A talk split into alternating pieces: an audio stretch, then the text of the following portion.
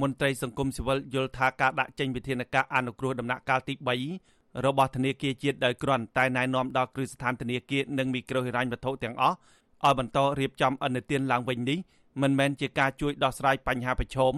និងសម្រាលបន្ទុករបស់ប្រជាពលរដ្ឋដែលរងផលប៉ះពាល់ពីជំងឺ Covid ពិតប្រាកដនោះទេប្រធានសមាគមប្រជាធិបតេយ្យឯករាជ្យនៃសេដ្ឋកិច្ចក្រៅប្រព័ន្ធលោកវុនពៅមានប្រសាសន៍ថាវិធានការរបស់ធនាគារជាតិនេះ គ្រាន់តែជួយសម្រាលបន្ទុករបស់ប្រជាពលរដ្ឋបន្តិចបន្តួចតែប៉ុណ្ណោះព្រោះកន្លងមកគ្រឹះស្ថានផ្ដល់ប្រាក់កម្ចីឯកជនខ្លះនៅតែបន្តប្រមូលយកការបង់ថ្លៃការប្រាក់ឬប្រាក់ដើមដដែលលោកបន្តថាការនេះនាំឲ្យអ្នកខ្ចីប្រាក់នៅតែជួបប្រទះបញ្ហា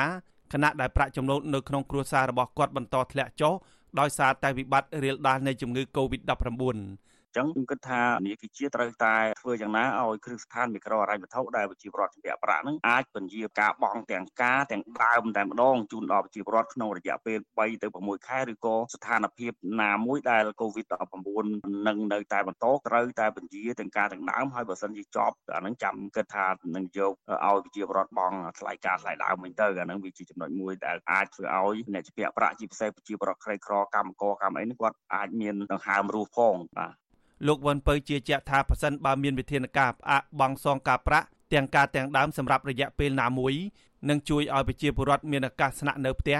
និងរក្សាសុវត្ថិភាពក្នុងអំឡុងពេលវីរុស COVID-19 យើងឃើញថាថ្មីត្បិតតែមានការបន្ថយឬក៏បង្រួមនៃតំបន់ក្រហមជាពិតមែនហើយបានបើកទីផ្សារបើកអីមួយចំនួនមែនប៉ុន្តែជាក់ស្ដែងប្រាក់ចំណូលគាត់មិនទាន់មានប្រាក់ចំណូលគ្រប់គ្រាន់ដើម្បីឆ្លើយតបទៅនឹងជីវភាពរស់នៅប្រចាំថ្ងៃបានទេព្រោះសប្តាហ៍ថ្ងៃនេះសេដ្ឋកិច្ចជាមិនទាន់ដើរធម្មតាដោយការពីមុនទេអញ្ចឹងអត់មានអតិថិជនជិះលមអត់មានអតិថិជនទិញសម្ភារៈប្រើប្រាស់ដូចសពម្ដងទេអញ្ចឹងហើយគឺប្រាក់ចំណូលនៅតែធ្លាក់ចុះដដែលនោះទេមិនទាន់មានប្រាក់ចំណូលប្រសើរនៅឡើយទេបាទ ការលើកឡើងនេះក្រោយពីធនាគារជាតិនៃកម្ពុជាបានចេញសេចក្តីជូនដំណឹងមួយ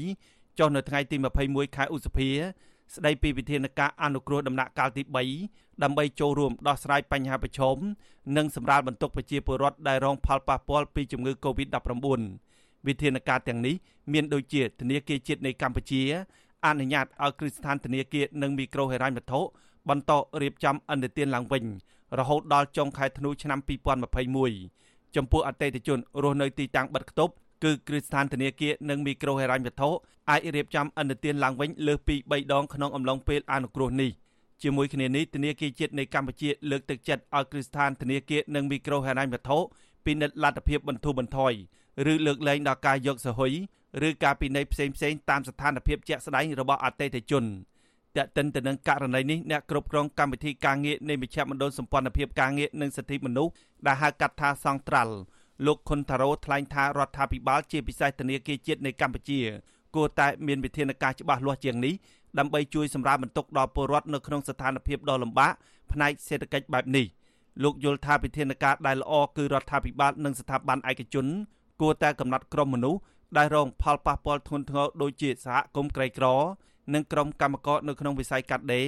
ទេសចរសេវាកំសាន្តសំណង់ព្រមទាំងអ្នកធ្វើការនិងប្រកបសេដ្ឋកិច្ចក្រៅប្រព័ន្ធជាដើមដើម្បីជួយសម្រួលឲ្យពួកគាត់រួចផុតពីការសងកម្ចីប្រាក់ទាំងការទាំងដើមយ៉ាងហោចណាស់រយៈពេល3ខែហើយបើសិនជារដ្ឋមិនបានគិតអំពីការកំណែតម្រង់នៃប្រព័ន្ធគឺស្ថានមីក្រូរ៉ាញ់ធុនិងធនាគារទេវានឹងបំរើផលប្រយោជន៍តែនៅក្នុងវិស័យឯកជនឬក៏យើងអាចនិយាយថាអ្នកមូលធននិយមហើយតម្លៃបណ្ណៈកម្មករអ្នក ដែលរស់នៅនៅក្នុងថ្នាក់កណ្ដាលដែលមានចំនួនមធ្យមតិចតួចនឹងគិតតែទទួលរងនូវផលប៉ះពាល់ទៅកាន់តែខ្លាំងទៅខាងទៅហើយបើមិនជាយើងអត់មានការកំណែតម្រង់នោះលោកខុនថារ៉ូបានបន្តថាគណៈពេលដែលប្រទេសកម្ពុជាក្នុងពេលនេះកំពុងឆ្លងរីករាលដាលនៃជំងឺ Covid-19 កើនឡើងជាពិសេសនៅតាមរោងចក្រសហគ្រាសជាបន្តបន្ទាប់បែបនេះការផ្អាកបង់សងប្រាក់កម្ចីទាំងការទាំងដើម គឺជារឿងចាំបាច់បំផុតព្រោះមកដល់ពេលនេះមិនទាន់មានធនាគារនិងមីក្រូហិរញ្ញវត្ថុណាមួយបង្ហាញពីការខាតបង់ឬខ្សែធននោះទេផ្ទុយទៅវិញពួកគេនៅតែរកប្រាក់ចំណេញដដែល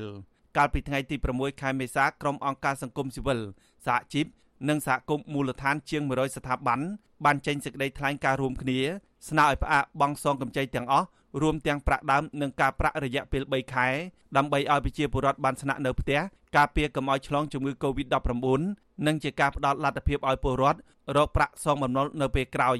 ក្រុមអង្គការសង្គមស៊ីវិលទាំងនេះពិនិត្យឃើញថាសម្ពាធបណ្ដាលមកពីកម្ចីប្រាក់អន្តទានខ្នាតតូច របស់គ្រឹះស្ថានមីក្រូហិរញ្ញវត្ថុ